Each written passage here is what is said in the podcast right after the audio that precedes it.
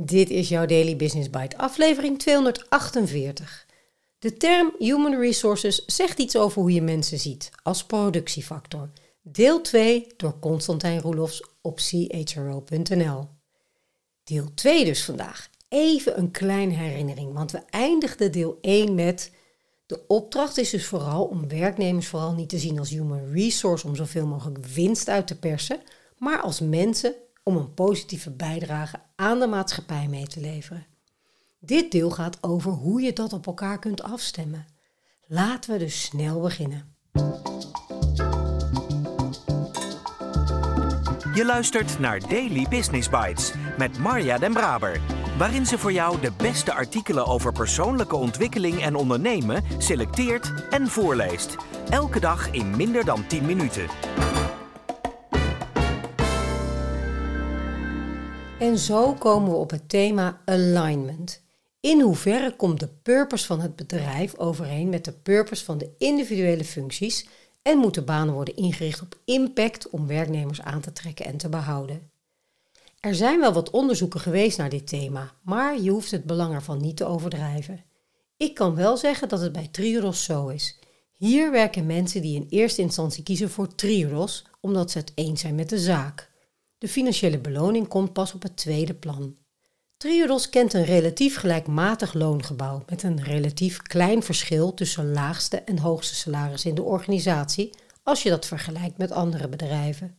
Veel van onze medewerkers geven aan dat het binnen Triodos goed doen voor de wereld ook intrinsiek in het DNA zit en dat hen dat zo gedreven maakt om voor de organisatie te werken. Hierdoor gaat impact maken en financiële compensatie daarvoor hand in hand.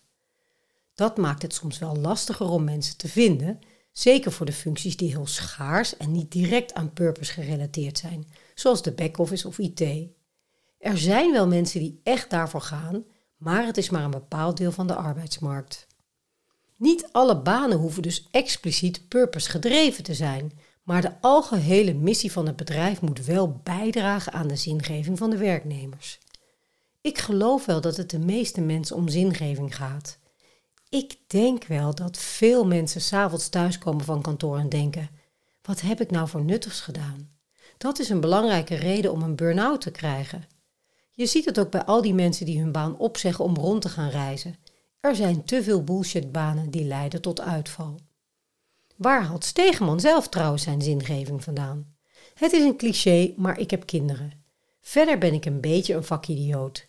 Ik geloof echt dat de wereld moet veranderen en daar besteed ik het grootste deel van mijn tijd aan. Schrijven, spreken en participeren om de wereld een klein beetje te verbeteren.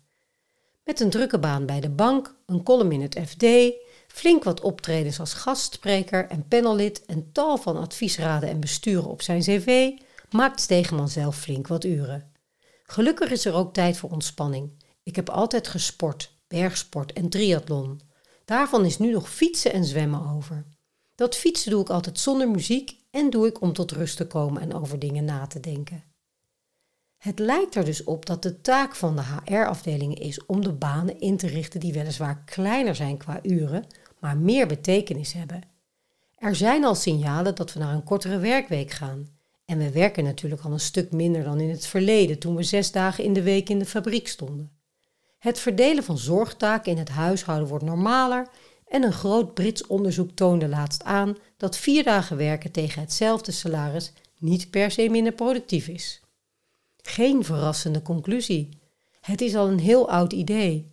Ik heb in 1996 stage gelopen en toen al onderzoek gedaan naar de 36-urige werkweek. Ik geloof er wel in en veel bedrijven onderzoeken het nu. Het is immers een prettiger leven voor veel mensen. Dat heeft te maken met de drijfveren, meent Stegeman, een onderwerp waar veel wetenschappelijk onderzoek naar wordt verricht. Onderwijs wijst bijvoorbeeld uit dat mensen die veel meer tijd besteden in de buurt minder behoefte voelen om te gaan scrollen en nutteloze dingen te kopen. Want waar wordt het individu nou gelukkig van? Een goede gezondheid, tijd voor vrienden, familie en sociale relaties. Niet heel veel werken of zelfs heel veel inkomen. En gelukkige werknemers zijn productiever. Vandaar dat het paradoxale effect optreedt dat mensen met minder werkdagen meer voor elkaar krijgen. Het is een puzzel die economen al een tijdje uit hun slaap houdt. De voordelen van minder werken zijn evident en we hebben steeds meer slimme apparaatjes om ons werk uit handen te nemen. En toch blijven we werken. Zo voorspelde de vader van de moderne economie, John Maynard Keynes, voor de Tweede Wereldoorlog al dat we door voortschrijdende automatisering en werkbesparende machines in de toekomst nog maar 15 uur per week zouden werken. Inmiddels zijn we in de toekomst aanbeland, maar ploeteren nog steeds fulltime door. We laten ons nog steeds graag als human resource behandelen voor grotere televisies en meer vliegvakanties. Waarom eigenlijk? Als je de brief leest waarin Keynes dit idee opschrijft, dan staat er in de tweede zin eronder: Dit kan alleen gebeuren als we onze onverzadigbare behoeften weten te remmen. Dat gaat maar matig. We trappen volgens Stegeman telkens weer in de val van meer werken voor onnodige extraatjes dankzij een fout in ons brein. Ons reptiele brein is immers gevoelig voor verslavende prikkels, dus laten we ons toch weer verleiden tot nog meer onnodige spulletjes, verre reizen en grotere huizen. Marketeers zijn sterker dan Keynes, concludeert Stegeman een beetje cynisch. Toch gloort er hoop aan de horizon. Consuminderen is niet langer een idee dat alleen heerst bij hippies en milieubewuste jongeren. Steeds meer mensen zijn flexitariër. Het autobezit neemt af onder jongere generaties en vakanties in eigen land zijn bezig met een comeback. Daily Business Bites met Marja Den Braber. Je luisterde naar de term Human Resources zegt iets over hoe je mensen ziet als productiefactor. Deel 2 door Constantijn Roelofs. Wat maakt toch dat we inzichten die al heel lang bestaan, maar moeizaam toe kunnen passen?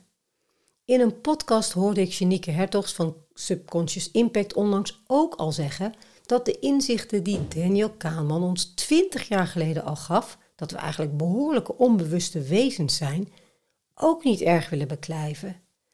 En in deze context, waarin al veel langer duidelijk is dat korter werken ons zelfs gelukkiger en productiever maakt, is er ook nog een aardverschuiving nodig om dit te gaan doen. En gaat het serieus over de verleiding voor meer onnodige spullen en meer of groter van alles wat we al hebben? Maar wat zou jij als manager of teamleider morgen kunnen ondernemen op basis van de genoemde tekst? Behalve die vraag van gisteren dan, hè? Hoe nuttig is het werk dat ik vandaag gedaan heb? Ik vroeg het ChatGPT en die zei: 1. Zorg voor purpose alignment. Je kunt beginnen met het beoordelen van de mate van alignment tussen de purpose van de organisatie en de individuele functies van jouw werknemers. Dit houdt in dat je moet nagaan of de dagelijkse taken en verantwoordelijkheden van medewerkers bijdragen aan de bredere missie en de doelstellingen van het bedrijf. 2. Creëer een zinvolle werkomgeving. Je kunt proactief werken aan het creëren van een werkomgeving waarin werknemers zich zinvol voelen en een bijdrage leveren aan de maatschappij. Dat kan betekenen dat je medewerkers betrekt bij de discussie over de maatschappelijke impact van hun werk en regelmatig inzicht geeft in hoe hun bijdrage aansluit bij de bredere missie van het bedrijf. 3. Verken alternatieve werkstructuren. Je kunt onderzoeken hoe je alternatieve werkstructuren implementeert die beter aansluiten bij de behoeften en het welzijn van werknemers. Denk aan kortere werkweken, flexibele werktijden of remote werkopties. Het doel is om werknemers meer tijd te geven voor persoonlijke zingeving, zoals tijd met familie en vrienden, wat uiteindelijk hun tevredenheid en productiviteit kan verhogen. Nou, ik zou zeggen, doe er je voordeel mee en ik spreek je heel graag morgen weer.